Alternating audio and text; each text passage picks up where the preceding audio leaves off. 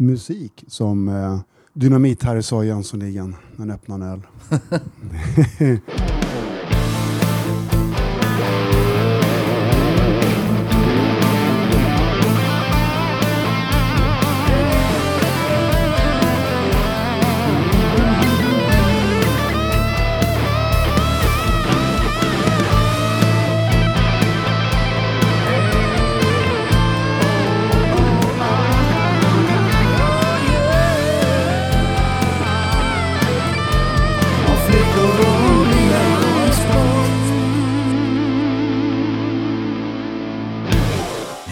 och välkomna till avsnitt 6 av podden om flickor, bilar och sport. Jag sitter här på Gullmarsplan tillsammans med min gode vän och poddkollega. Tony Johansson. Hur är det läget? Det är bra. Vad roligt. Det är trist väder men bra. Har du något eh, skoj ämne? Ja, jag, eh, jag hörde en låt på eh, radio för eh, några veckor sedan. Mm. Eh, Black is Black med Los Bravos Okej. från 60-talet och eh, kom då att tänka på det jag såg framför mig var eh, min mamma stå och eh, spraya håret i, i badrummet med sån här klassisk guldfärgad Vella-spray som det gick väl en, en halv sån flaska varje gång hon skulle gå ut. Och eh, bara att jag hörde den låten för att det, det, hon, hon gillade den eh, och lyssnade på den.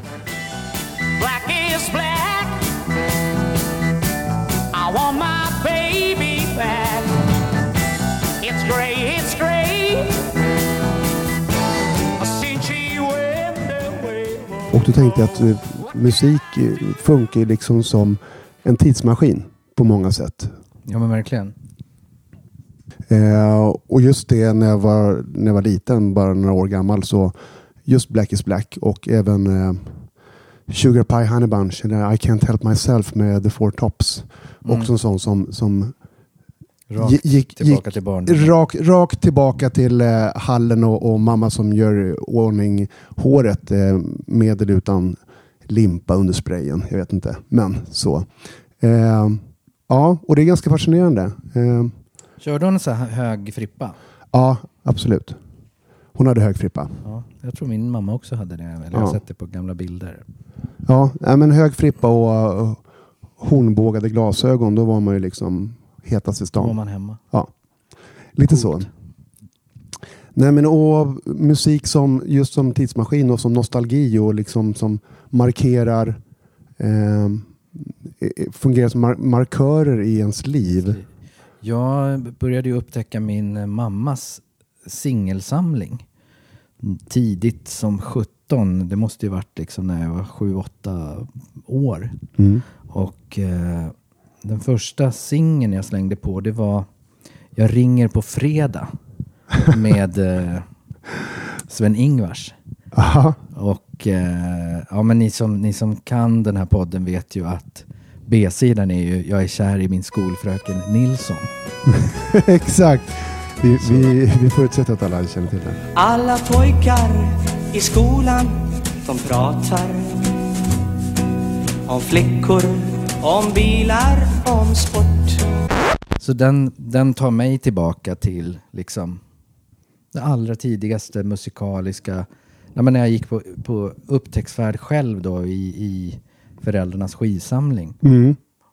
Och den här gamla Radiola-grammofonen som hängde med lite för länge sedan. Ja, men precis. Och jag minns ju också, och, och på samma sätt som att det fungerar som en, som en tidsmaskin så är det ju ofta så att musik man någon gång har gillat eh, fortsätter man gilla. Alltså det finns, jag, i alla fall jag, jag och även om det är sånt jag inte eh, lyssnar på själv eh, dagligen så är det musik som någonstans har satt sig. Nu tycker jag i och för sig att eh, The Four Tops är bland det bästa som finns. Det är Motowns Finest som jag gärna lyssnar på. Men eh, till exempel, jag kommer ihåg första skivan jag fick av, det var min moster har för mig, eh, Chanana live. Eh, The Golden Age of Rock'n'Roll hette den. Eh, och, och den älskade ju jag. Eh, då visste jag inte att jag var ju sju år och att det var ett plojband som bara körde covers men på ett proffsigt sätt. Men Liksom. de gav eh, verkligen guldfärgade tights Eller hur? ansikte. Ja, de var fantastiska och de körde de här gamla eh, Pretty Little Angel Eyes och Jack Jack och de här. Take out the papers and the trash.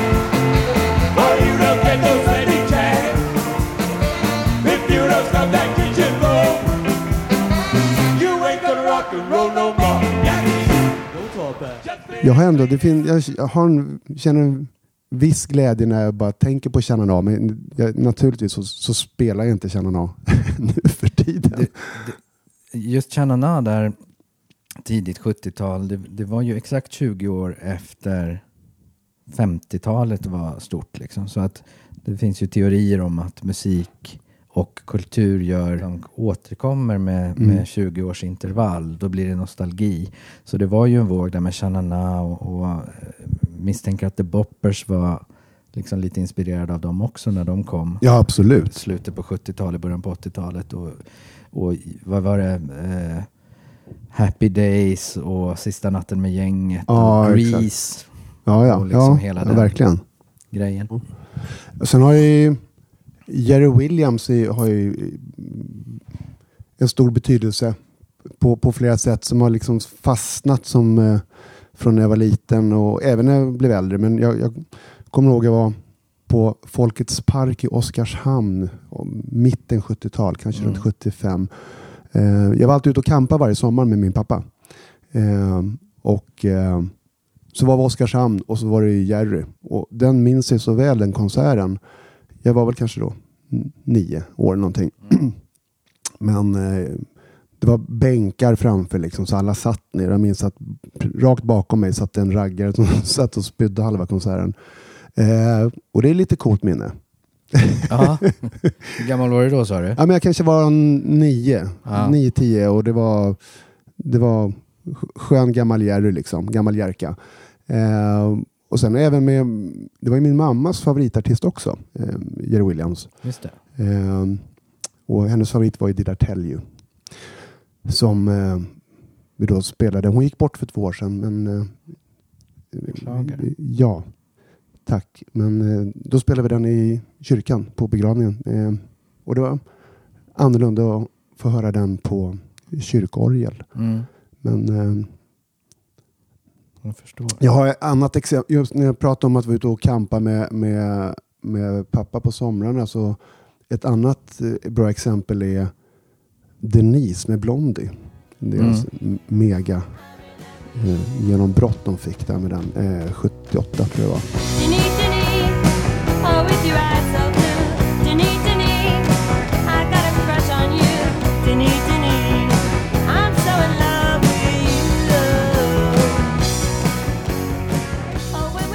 Och när jag hör den än idag så står jag framför, jag står på någon vägkrog eh, framför en jukebox. För jag kommer ihåg att på den tiden fanns det jukeboxar överallt, även på vägkrogarna. Mm. Eh, och så spelade, för jag hade hört den på radio igen, och så tryckte jag i och så spelade jag Denise med Blondie på den där eh, jukeboxen någonstans i, i Smålands mörkaste skogar. Och det så är det än idag. Över 40 år senare så är det bara, står jag där framför jukeboxen när jag hör Ja. den. Det är häftigt. Ett annat minne är, när jag kommer ihåg det från tonåren är ju när man spelade in på kassetter. Så, Just och, det. och jag kommer ihåg att jag satt och lyssnade på Radio Luxemburg på kvällarna. Eh, med kassettbandspelaren och man försökte vara snabb och spela in det senaste, nyaste, hetaste. Och jag kommer ihåg att eh, 79 kom både Video Kill the Radio Star med The Buggles Mm. och eh, Born to be alive med Patrick Hernandez. Eh, och de två låtarna gillar jag än idag. Eh, Ja. Och de två låtarna, när jag hör dem idag så sitter jag i pojkrummet och eh, eh, framför den här kassettradion liksom och ska spela in dem på en knastrig, knastrig radiosändning från Radio Luxemburg. Jag ju samma, jag satt ju och lyssnade på, var det Heta högen med Kaj Kindvall? Just det. där? Ja. Så lyckades jag, jag var överlycklig när jag lyckades spela in både Hurry Up Harry med Sham 69 och I wanna be sedated med Ramones på kassett. Oh. Och så fick man alltid med en snutt av eftersnacket och kanske en snutt av eh, introt och då blev ju det, det, matades man ju med. Så det var ju liksom konstigt när man sen hörde låtarna utan det här skiten som man hade råkat spela in. Ja, I wanna be sedated har vi spelat tillsammans ett antal Just gånger det. dessutom. Faktiskt. Vårt gamla coverband. Ja, exakt. Eh, Jag kan få en omvänd känsla, låtar som dyker upp i huvudet i olika situationer varje gång jag åker E4 söderifrån. Mm. Och eh, man kommer i höjd med, eh, ja men någonstans där mellan Järna och Södertälje så får jag alltid Strix Qs låt Hem till Stockholm igen. Ah, Där de har gjort en svensk text till Roy Wood och The Moves eh, Goodbye Blackberry Way. Hem till Stockholm igen Det har varit roligt, helt otroligt Skitigt och rökigt ibland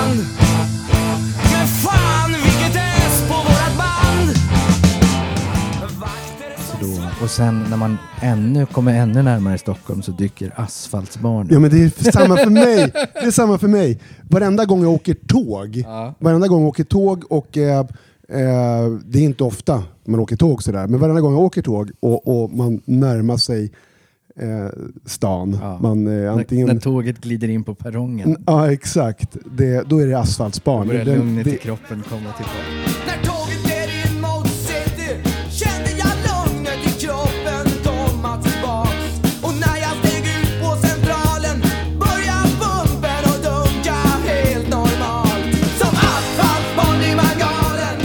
Ja, det, är, det är helt fantastiskt. Och sen, eh, ja, men det finns så många sådana roliga exempel. Jag kommer ihåg också eh, Scary Monsters med David Bowie. Eh, den, enda, den enda skiva jag någonsin har köat till. Den kom ju 1980. Det var jag och två polare som hade fått veta då att nu på måndag släpper de nya David Bowie-plattan. Så vi eh, la oss där på kvällen innan. Vi, vi låg i sovsäck utanför, utanför skivbutiken för att köpa en eh, Scary Monsters. Och det är såklart ett minne som kommer tillbaka varje gång jag hör Scary Monsters-plattan. Som för övrigt är en, jag älskar den kanske den, det är den, absolut den Bowie-platta jag spelar mest. Det är en underbar skiva. 83 släppte ju Kiss uh, Lick It Up-plattan. Och samma dag den hade släppts så cyklade jag och Robban Körnemark ner till Bokman i Huddinge och köpte den. På, på Ah. lunchrasten. Mm. Sen skulle vi hinna hem till honom och lyssna på den också. Så vi kom naturligtvis för sent till fysiklektionen efter. Ah. Och det var ju en eh, sån här ganska sträng och eh, ja, men en, en lärare som hette Gunnar Straume som man hade väldigt respekt för. Så vi gled väl in där och satte oss vid våra stolar och, och eh, fick jordens jävla utskällning av honom för att vi kom för sent och vi, vi hade ju naturligtvis en rimlig förklaring. Ja, självklart. Kiss har ju släppt sin nya platta och de har sminkat av sig. Men då fick vi en, en utskällning efter noter och eh, sen drog han igång lektionen och lite senare under lektionen så kommer han uppsmygande till oss och liksom hur, eh, hur såg de ut? Och, Underbart! Ja. Fantastiskt. ja, Så han, han tyckte egentligen han att det var okej? Ja, ja. absolut. Men han kunde inte liksom.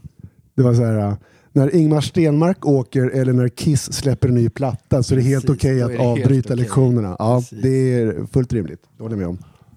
Jag. Nej, men lika om jag vill bli glad eh, så är det, då har man också man, vissa låtar man går till som automatiskt får mig på bra humör.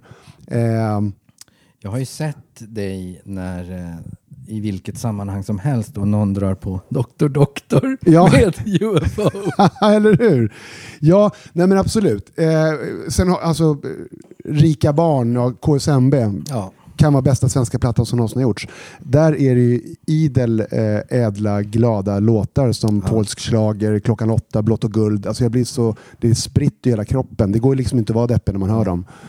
Eh, och lite så här slamkrypare, Kiss Me Deadly med Lita Ford.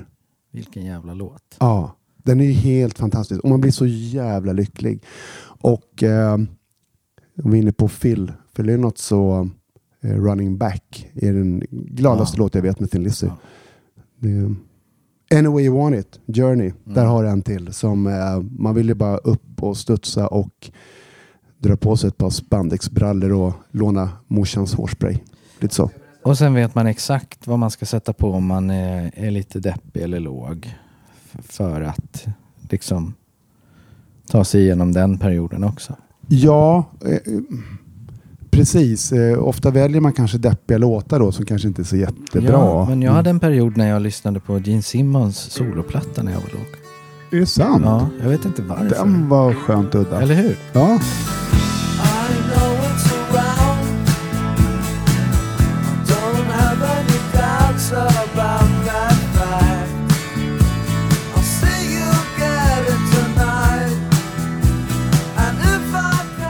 Var testa liksom en- ja, nästa gång jag låg. Den, Om några timmar. ja. Precis. Men men annars jag- är det Don Henleys ehm, End of the Innocence-plattan är, är bra Ja, faktiskt. den är, Fin. den är jättefin. Annars så har du ju, om man vill, vill man deppa ihop to, totalt, eh, eh, om du typ har tagit slut med din partner eller någonting sånt. Då Eller, kör man You Want It Darker med Leonard Cohen. ja, den funkar, men för mig... Nej, men alltså Changes med Black Sabbath. Jag tror att det, det är världens sorgligaste låt. Alltså. Ja, den är... Den är, den är så, den är så totaldeppig. Men den är så jävla bra. Och det är liksom, det tycker jag är, den är från uh, Volume, Vol volume four.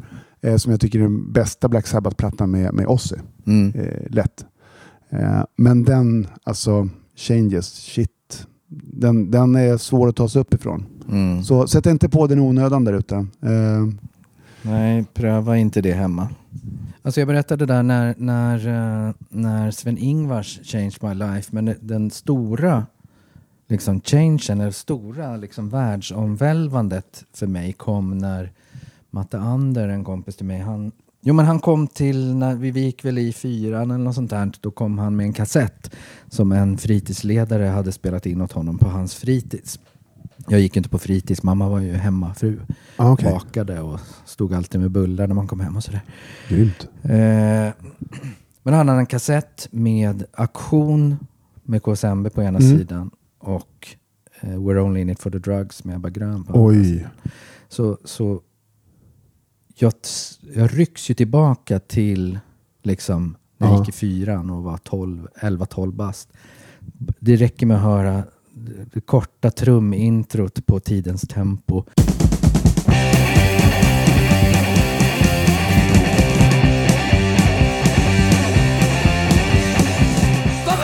Eller det brutala gitarrintrot på eh, We're Only In It For The Drugs. Ja. Öppningslåtarna på dem.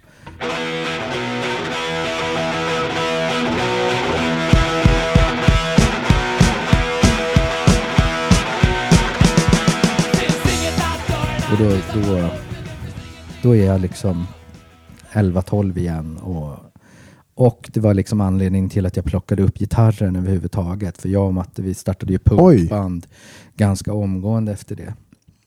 Så Underbart. det, där, ja, så det är det som är så otroligt surrealistiskt och sjukt att jag nu är ute och spelar liksom med KSMB. ja, det är fantastiskt. 4-40 Fan. Ja, Oh, vi, vi, men oj, vil- vilket, vilken, vilken skön, eh, vilket skönt kassettband med ja. It For The Drugs och aktion. Det, är- det, det är lite så här, eh, jag har fått ta med mig ett kassettband till en öde ö. Ja, Så, det ja, det. det. Ja. Ja. Ja men verkligen. Ja, men när, när man bodde hemma och var lite yngre så tog ju farsa gärna en grogg på fredagskvällen. Och då åkte ju Elvis-skivorna fram. Ah, Och det var ju framförallt den här uh, Live i Las Vegas 69. Mhm. eh, Elvis In Person tror jag den heter. Och han körde eh, Suspicious Minds. Och eh, jag, har- jag har skaffat den här skivan på CD nu många år senare. Och, och det är ju den absolut längsta och jammigaste versionen av den. Där Gary Sheff, basisten, går bananas på basen. New record that just came out, uh, ladies and gentlemen. I hope you like it. Uh, it's called Suspicious Minds.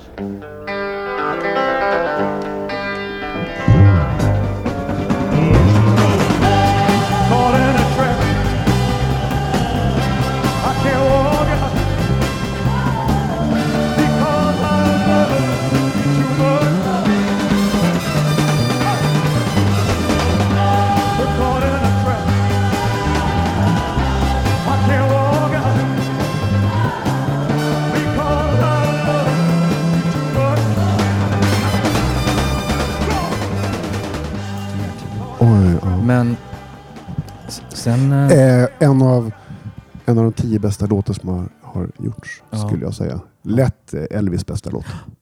Mm. Absolut. Och otroligt bra band han hade på den tiden. Mm. Ja, ja, jag, jag, eh, El, Elvis är tung alltså.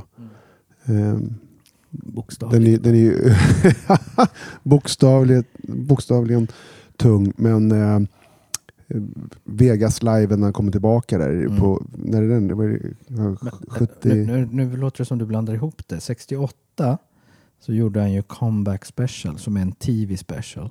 När han spelar i den här, ser ut som en boxningsrink. Det är den jag tänker på. Ja, då sitter han ju, dels I, kör de i, i, I eh, svarta skinnkläder. svarta skinnkläder. Ja. Och då kör de dels en hel del med bandet på scenen. De kör liksom unplugged aktigt. Ja, ja, ja. Och sen kör han med, antingen tror jag det är förinspelade backtracks eller så sitter bandet bakom liksom. Så står han själv där på scenen. ja det, är, ju- Den är ju det är magiskt. helt magisk. Ja, men, ja, det finns hur mycket som helst som är bra. Ja. Allt är nästan bra. Allt är bra. Ja. Ut, utom hans filmer. Ja, nej men de är ju, de är ju inget vidare. Men, vet du att det finns en låt i en film som heter Smörgåsbord? Nej, är det Där sant? Elvis sjunger om smörgåsbord. Fantastiskt. Jag minns inte filmen men den, den finns. Aloha Hawaii kanske? Ja, men kanske. ja, men han sjunger att han väljer tjejer som på ett smörgåsbord. Liksom. Att, Ah. Omodernt kanske, skulle man kunna säga. Smorgasbord. I got a craving for smorgasbord. A little kiss here, a little kiss there. That's smorgasbord. Men jag har funderat lite på eh, ett tema som eh, jag kallar för tysk galoppmetal eller power metal. Ja, Kommer att tänka på, eh, i och med att vi pratade ganska mycket om eh, Iron Maiden i, i vår förra podd. Just det. Eh, och någonstans så kokades väl den här eh, som man kopplar till Tyskland, eh, power metal-stuket, eh, ihop lite av just Iron Maiden och även Accept, även om Accept inte spelar den typen av musik. nej men de var tyskar. de var tyskar, eh, så det räckte lite. Så vad skapade den här genren egentligen? Med massa drakar och dubbla baskaggar.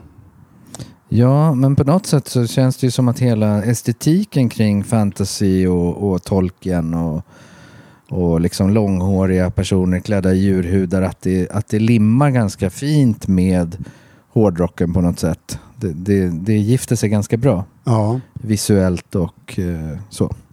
ja, och på tal om djurhudar så är ju då eh, Manowar tillhör ju också grundstenarna i hur eh, när det gällde framförallt teman textmässigt i, i eller gäller i den, den här genren. Eh, Och djurhudar. och, djur, och djurhudar. Det är väldigt mycket eh, drakar och demoner. Eh, och eh, det är science fiction och det är pirater och, och Svärd. Så, mycket svärd. Vi vill ha stora, stora svärd. Det är så Game of Thrones metal kan man döpa om det till. Ja, men många säger också att, eh, att just Rainbow Rising eh, var en av föregångarna och framförallt då Ronny James Dio. Och det här är intressant för när, när Dio sjöng om drakar och demoner och eh, övernaturliga saker och sånt så, så kändes det på något sätt eh, naturligt. Eh, man, man tänkte inte på att det här är nog egentligen kanske lite fånigt. Medan idag så, så tänker jag mer på att det här det är rätt töntigt. Är det inte så? Jo, men jag tror att det är så enkelt som att eh, när Dio skrev och sjöng om de här sakerna, då var han mer som en storyteller, en författare eller liksom en filmregissör. Och eh, han utgav sig aldrig för att det är på riktigt och att det är han då som är den här figuren som förekommer i Mm, berättelserna. mm. Medan så de senare som har liksom utvecklat sagometal, ska vi kalla det för det?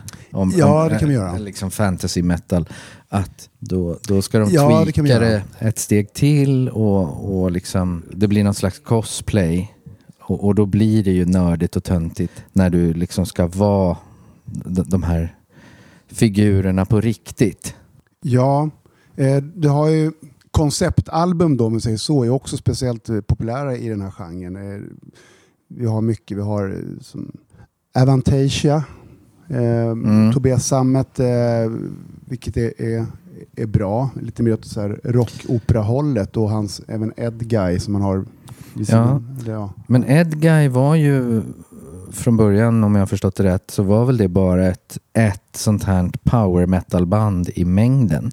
ja. Så, om än eh, ganska liksom bra, men tyskt. Eh, eh, tyskt liksom. Det finns ett begrepp inom punken när det liksom ska vara glada melodier och skojiga texter. Då kallas det för trallpunk. Liksom. Mm. Och eh, power metal, eh, liksom den falangen som Halloween och Edguy och sånt där. Det är väl någon slags trallmetal. Ja. Schlagermetal. Och, och det har ju Sammet bevisat i och med att det förekommer både Ultravox och ABBA-covers i liksom som B-sidor på. ja, precis. och det är inga metal-versioner utan det är bara upphottade liksom schlagerversioner. Och- Om än jävligt bra, men Ja. Och så har vi då, eh, måste vi ha då falsettsång såklart i Oh ja. den här oh ja. den här äh, sagom, tyska sagometal. Eh, där man märker att förebilderna är, det är Rob Halford och, och Bruce Dickinson och, och Geoff Tate. Och, Ja. och Tobias Sammet har ju använt Geoff Tate i sitt Avantasia också. Passar ju bra.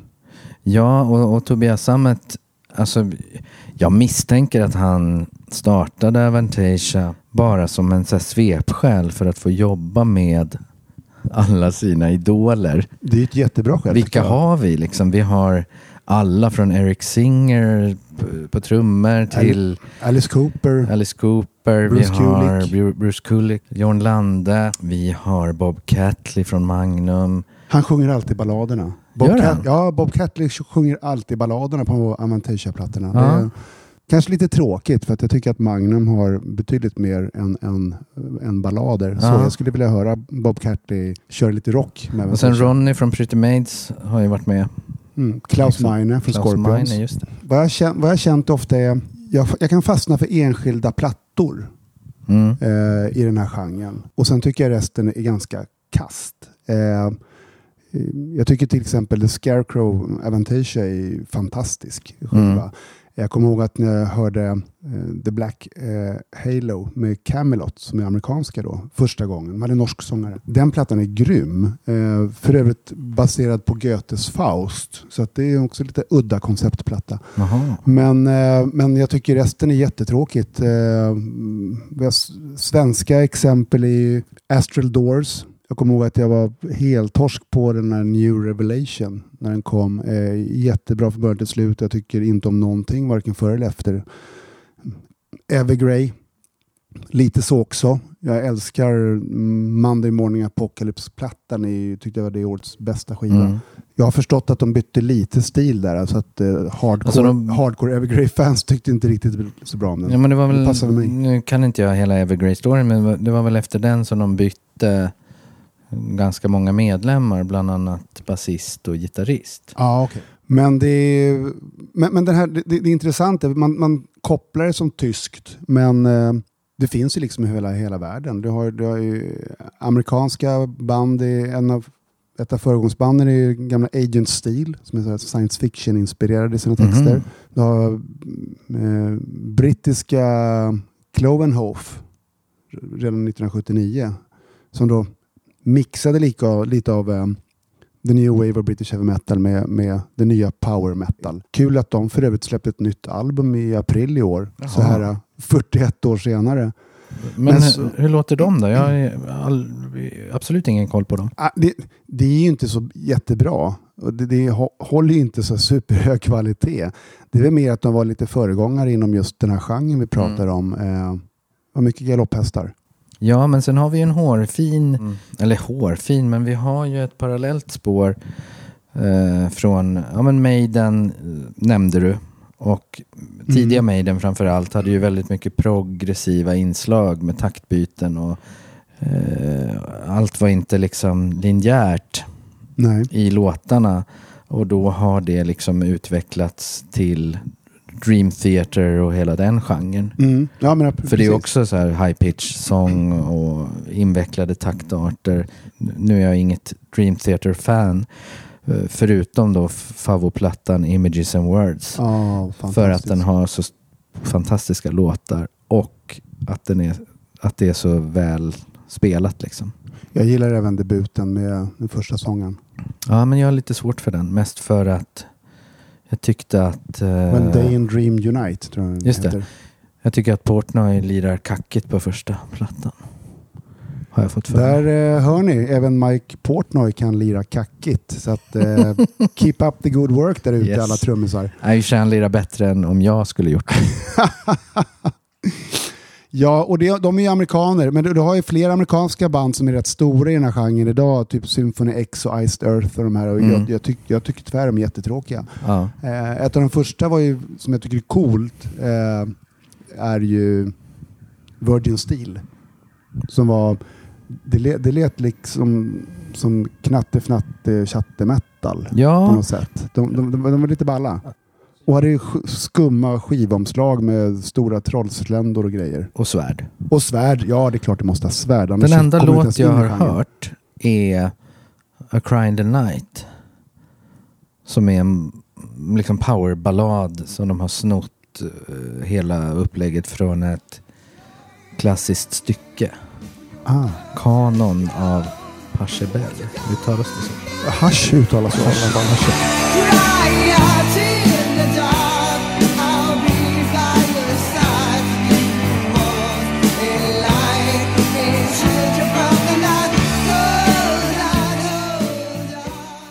Och sen tyckte jag att det var så pissigt proddat och kackigt framfört. Så att jag gav dem aldrig en chans. Ja, okej. Sån är jag. Nej, men eh, hur som helst så är eh, det intressant eh, att eh, det är en intressant genre och att eh, man köper det och man, man tycker om de här sagoberättelserna och men framförallt att man kopplar det till Tyskland. Det är lite som så här, symfonisk metal, det kopplar man ju bara till Finland. Ja, Eh, vad som- har vi där då? Nightwish och Stratovarius är väl de största precis. och jag, jag somnar när jag hör det. Jag tycker Mm. det är så tråkigt. Ja, och mycket är ju liksom, om- åtminstone Stratovarius är väl liksom Yngve Ripoff på något sätt. Neoclassical fast de drar det några snäpp till. Helt utan nyans och känsla.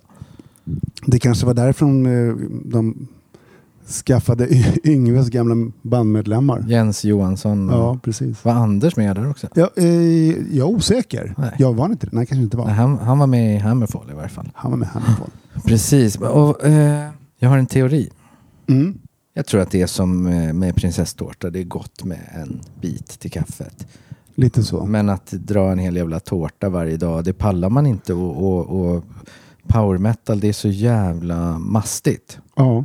Och eh, man får liksom välja godbitarna och njuta av dem ja, men precis. när man vill. Jag älskar till exempel Metal is forever med Primal Fear. Ja, men det, det är ju tårtbiten. Ja, det är Det är, tårtbiten. det är tårtbiten.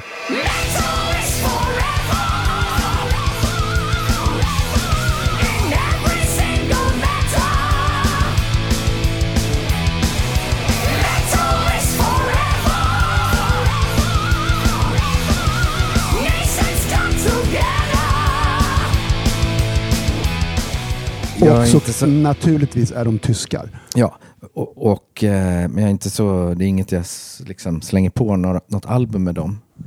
Nej, men just Metal is Forever kan man slänga på. Det, den, den funkar alltid som uppiggande. Kul, en rolig detalj med, med Primal Fear är att då sångaren eh, Ralf Schepers, eh, ville ju, han sökte jobbet eh, som sångare i Judas Priest 97. Just det. Eh, som Rob Halfords ersättare eh, som då gick till Team Ripper, Ripper Owens Owen. istället. Och då, då tänkte Ralf att nej, fuck it, jag gör det här själv. Och så bildade han Primal Fear. Och det, det har ju gått hyfsat, Mm. måste man säga. Ehm, om man bara ska nämna några andra, eftersom vi pratar om att det här är så tyskt så finns det ju så många stora tyska band inom det här. Vi har ju Running Wild, Blind, Guardian, Rage, Mob Rules. Mm. Ehm, Running Wild kör pirattema i sina låtar. Ja, det är hårt. Det är klart. Och pirater har ju också svärd som ni vet. Det, så det är bra. De har, eller så här, tunnare svärd. Men hur uh, Primal Fear är ju inte helt tyska. Är är de inte det? Nej, de har ju en svensk gitarrist. Ah, Magnus Karlsson. ja men ja, så är det ju. Mm. Just det, det har du Precis. fan rätt i. Magnus Karlsson som även har gjort några album tillsammans med Tony Harnell. Sången i TNT. Ja. Uh, Tony, är det dags för en bra eller dålig affär? Ja, men det, ja, det, är, all, det är alltid läge Ska för vi, bra eller dålig affär. Va? ska vi rulla vignett? Vi rullar vignett. Här kommer den. Bra eller dålig affär? Kan någon säga snälla bra eller dålig affär? Eller var det en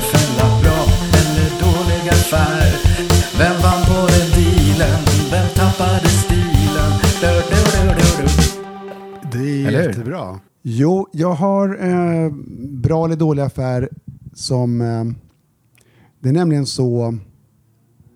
Eh, 1994, efter, efter Nirvana, Dave Grohl som var trummis i Nirvana, Ja. lirade med... Eh, han körde några gig med Tom Petty and the Heartbreakers. Oj. Och Tom Petty ville ha honom som fast i bandet. Han var erbjuden en fast plats som trummis i Tom Pettys band och det går liksom inte att bli så jävla mycket större än Tom Petty i USA. Liksom. Men eh, Dave Grohl sa att nej, det jag ska starta ett eget band. Jag Bara, Jaha, så att du letar då sångare och gitarrist? Och, precis. nej, nej, jag letar trummis. Jag ska sjunga och spela gitarr. Eh, bildade då Foo Fighters. Just det. Eh, och eh, ja, gjorde Dave Grohl en bra eller dålig affär? Alltså det här är ju mer en, en affär. Det här är ju en, ett livsval. Ja. Och jävlar vad tur att han valde Foo Fighters. Eller hur? Ja, Men det, det, är, det är ett av de här banden som alla gillar. Ja, men de har ju blivit snorstora och uh, det, är ändå ganska kul, och, kul att gå från uh, trummis i det bandet som var störst där och då till att bli gitarrist och sångare i det bandet som är bland de största idag. Ja men verkligen. Um, nej, vi får vara överens om att eh, Dave gjorde ett, eh, en bra affär som nobbade Tom Petty. Även om det har varit coolt att höra Free Falling med Dave Grohl på trummor. Kurt Cobains dotter gick ju och gifte sig med någon snubbe. Ja, det blir ofta så. Ja. Och eh, antingen var det så att i bodelningen så krävde han att få den akustiska gitarren som Kurt Cobain spelar på i MTV Unplugged. Ah, Och jag tror han lyckades med det. oh, jäklar. Så det var en dålig affär för henne. Det var det verkligen. Den skulle jag vilja ha. Ja, Fast jag kan inte, jag kan inte ens spela gitarr. Men det, det, det, ja, det är en skön raritet. Det är ett av Verkligen. de få såna här unplugged-giggen man minns. ja och jag minns ju Kiss Unplugged och den håller jag också väldigt högt. Men, men eh, absolut, Nirvanas MTV Unplugged är väl den mest kända och mest omtalade. Jag, frågar mig, jag, jag är lite allergisk mot, eh, mot unplugged generellt. Eh, jag tycker, jag ty- tycker det är dödstrist. Usch vad jag är negativ idag. Men i alla fall. Eh, men frågar de mig om, om akustiska gig jag minns så då, då, är det ju då är det Nirvana eh, och eh, Tesla faktiskt. Den här Five Man Acoustical Jam. Ja, men var inte de ganska tidiga? Att den kom väl nästan eh, innan eh, Unplugged var ett begrepp? Ja exakt, den kom, den kom faktiskt redan eh, 1990. Just det. Så det, är- de var väldigt tidiga. Mm. Och då, då kändes det väl liksom lite nytt och fräscht och Fräsch. lite kul. Eh, och, och det gör det tyvärr in, idag känns det trubadur för mig i mina öron. Ja, men det beror på. Det går ju att göra snygga saker också. Och, och just den här intima känslan är ju den man vill åt. Sen vilka instrument som används, det är ju skitsamma. Ja, fast intima känslan musik. Jag hade velat sett eh, Sex Pistols i en garderob. Det hade Mm. varit intimt också. Ja, men de gjorde väl en garderobsturné i Sverige på 70-talet. Ja, men exakt. Men inte fan behövde de någon akustisk gitarr. Var det Springsteen som var lite kärringen mot strömmen där? När han skulle göra en MTV Unplugged. Då, då öppnar han med en låt akustiskt. Och sen säger han fuck it. Och så pluggar han in så kör de med helt band. Och sen släpptes den, den som eh, Bruce Springsteen plugged. Fantastiskt. Ja, Ja. det var lite hårt. Ja men Bruce han är lite cool. Ja. Det är han faktiskt. Eh, trots att hans flanellskjortor är dyrare än BNP för Senegal. Köper inte han sina arbetskläder på Huddinge Textil som alla andra? ja, det hade varit jävligt coolt om han Ja, hade gjort det. faktiskt. Eh, Men, men eh, nej, inget ont om eh, Bruce Springsteen. Han kvarstår som arbetargrabb i mina ja, ögon. trots att han inte har eh, hållit i en spade i hela sitt Nej, jävla det liv. har, han kanske inte gjort. Nej. Men, Jag har en annan bra eller dålig affär. har du det? Ja. Ja, Eh, kör. Richie Sambora, Mm, han har säkert köpt en och annan flaska sprit i sina dagar. det tror- tror jag. Så till den grad att han fick sparken från eh, Bon Jovi. Mm. Var det en bra eller dålig affär? Alltså all, all, alkoholinköp? Jag vet inte, jag tror att alltså, ha- hans, hans eh, liquor store in the neighborhood gjorde någon jävligt bra affär. Ja, men det var väl det. kanske bara dem. Precis. Eh, nej, men det var väl en eh, kanske dålig Jävligt affär. tråkigt faktiskt Ja. att det kan bli så. Tycker jag. Lyssnade faktiskt på hans första soloplatta igår när vi åkte hem från gigget och försökte hitta någon bra låt. Och den var inte så bra som jag mindes den. Han, han eh, sjöng, ju, sjöng ju överlägset och spelade ju jättebra gitarr. Men den var så jävla fluffigt proddad så det var bara massa jävla reverb på allting. Så det enda bra låten konstaterade jag var sista låten, The Answer. Som är otroligt vacker.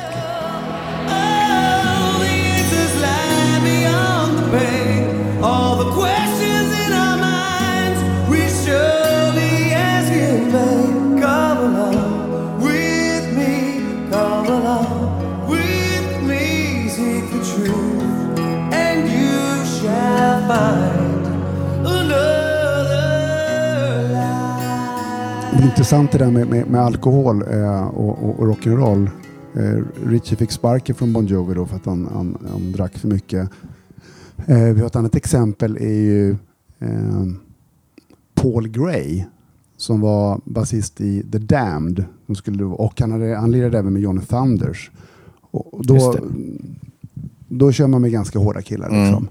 Eh, men om jag minns det rätt så fick han kicken tror jag, från The Damned. Eh, för att han söp för hårt. Och Okej. eh, välkomnades med öppna armar av UFO såklart. Såklart. När de, när de släppte sin Mr. Miner-platta och, och Pete Way inte var med längre. Fick väl säga Pete Way Ja. då också. Men eh, så det är kul. Du, han, han, han hittar sina dryckesbröder i rätt band kan man säga. Ja. Det var väl allt för idag från bra eller dålig affär-segmentet. Ja, eh, vi kom fram till att eh, Dave Grohl gjorde en jävligt bra affär. Eller affär. Han, Han, nobbade- tackade nej Han tackade nej till, till ett erbjudande Ja, som de många andra skulle ha gett sin högra arm.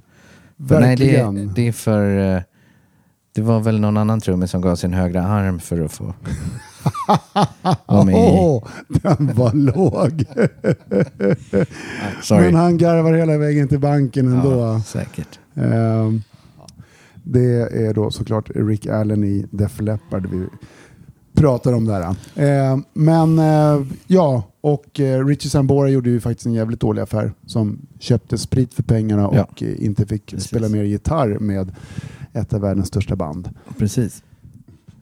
Men Tony, vad är det absolut bästa eh, power metal-bandet just nu? Ja, men det, är, ju- det finns ju bara ett och det är ju det kanske är det enda riktigt bra power metal-bandet genom tiderna och det är ju brasilianska Massacration. Ah, Okej, jag har bara hört någon låt. Men eh, berätta, Det vad vet vi om dem? vi vet att eh, det är ju faktiskt så att det är ett, eh, ett gäng komiker som, som eh, bildar ett band på riktigt. Eh, precis, precis som The Monkeys på 60-talet faktiskt var, var, var komiker och sen höll på att plojspela och så blev det ett band på riktigt som blev ganska stora. Men Massacration då, eh, deras, deras egen story eh, om allt är underbar. De träffades 1979 på en ungdomsvårdsskola och eh, startade bandet eh, Massacration. Efter första spelningen så sprang de på en berömd producent som tidigare eh, hade arbetat med Queen och eh, Michael Jackson. Ja, ja, ja. Självklart. Eh, och de fick då göra, släppa sin debutsingel eh, som givetvis hamnade etta på Billboard i USA. såklart. Eh, anakronistiskt då före band som Maroon 5, Usher och, och Gavin DeGraw här på tidigt 80-tal. Eh, och naturligtvis så vann de ju en Grammy då för, för den här låten. Eh, och sen tog det, tog det bara fart. Eh, tredje singeln såldes i 12 miljarder ex. Eh, som alltså gav dem då eh, 1200 diamantskivor. Ja. Och, men allt det här är från deras Wikipedia, så det, det, Ja, det är från deras Wikipedia. det och det, det, är magiskt. Det, eh, och eh, deras 1200 diamantskivor då förärar de givetvis även Nobelpriset i musik. Eh, som, som tidigare endast hade tilldelats eh, Mozart, Beethoven och Frank Sinatra. Så det är Massacration. Det, och deras eh, senaste video, eh, eller låt, senaste singel, eh, Metal Galera. Det var så man sprang på den för den dök ju upp på sociala medier här för ett tag sedan.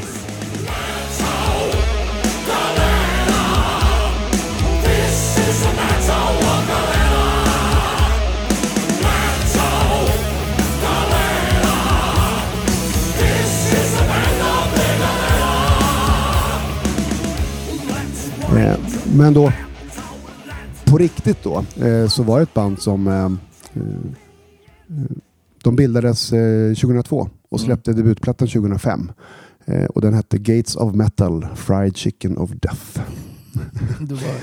Så Men jag har sett en YouTube-intervju när sångaren i Massacration intervjuar ja, Joey DeMaio i Manowar och hävdar att Eric Adams i Manowar är skyldig honom eh, jättestora belopp pengar för sånglektioner. ja de är ju, alltså, det- det måste ju vara eh, i- all cred till Judy Mayo som faktiskt ställer upp på en sån intervju. För Det det är här, modigt att kliva in och försöka vara ironisk med och skämta med en sån som Joey DeMaio för han, han upplevs inte som någon liksom, Nej, och- spelevink-person. Och Manowar är sånt där, det är svårt att veta om de har om de har glimten i ögat eller har Mm. tagit sig själva på allvar hela vägen. Jag vet inte. Men, men eh, de här brasilianerna, Massacration, är ju eh, uppenbart ploj. Men de kan ju spela och, och det, Ja. det låter bra och kul. Och eh, den här senaste videon är, är helt underbar. Mm. Eh, De hade någon låt om um, MILF någonting. Ja, de har, ja, deras tidigare hits har ju bland annat då Metal Milf eh, och eh, Metal Milkshake är också bra. Ja. Eh, men alltså det, det här det är ju så att säga det är ju Spinal Tap Mm. eh, på riktigt. Eh, eller st- Steel Panther kanske Ja. snarare. För att, eh, men, men det här är ju det är ju faktiskt roligt och bra Ja, på de riktigt. Så verkar att vara gigantiska i, i Brasilien. de är svinstora i Brasilien. Ja. Cool. Men då hö, höjer vi armen i vädret. Och, Vi höjer arm, svärd, eh, ölburk och allting i vädret för Massacration. Så Ja. att eh, kolla upp de grabbarna. Det är riktiga sköningar. grymt. Ska vi nöja oss så? Ja, vi gör det. För att Ja. jag måste iväg och köpa spandexbrallor. Det är snyggt ja, igen. och jag ska köpa sådana här guldfärgade trikåer som Chanana hade. Ah, Tror jag. det låter som vi ska ut på turné. Yes. Härligt. Peace out brother. Vi hörs. Tack alla. Kram på er. Tja.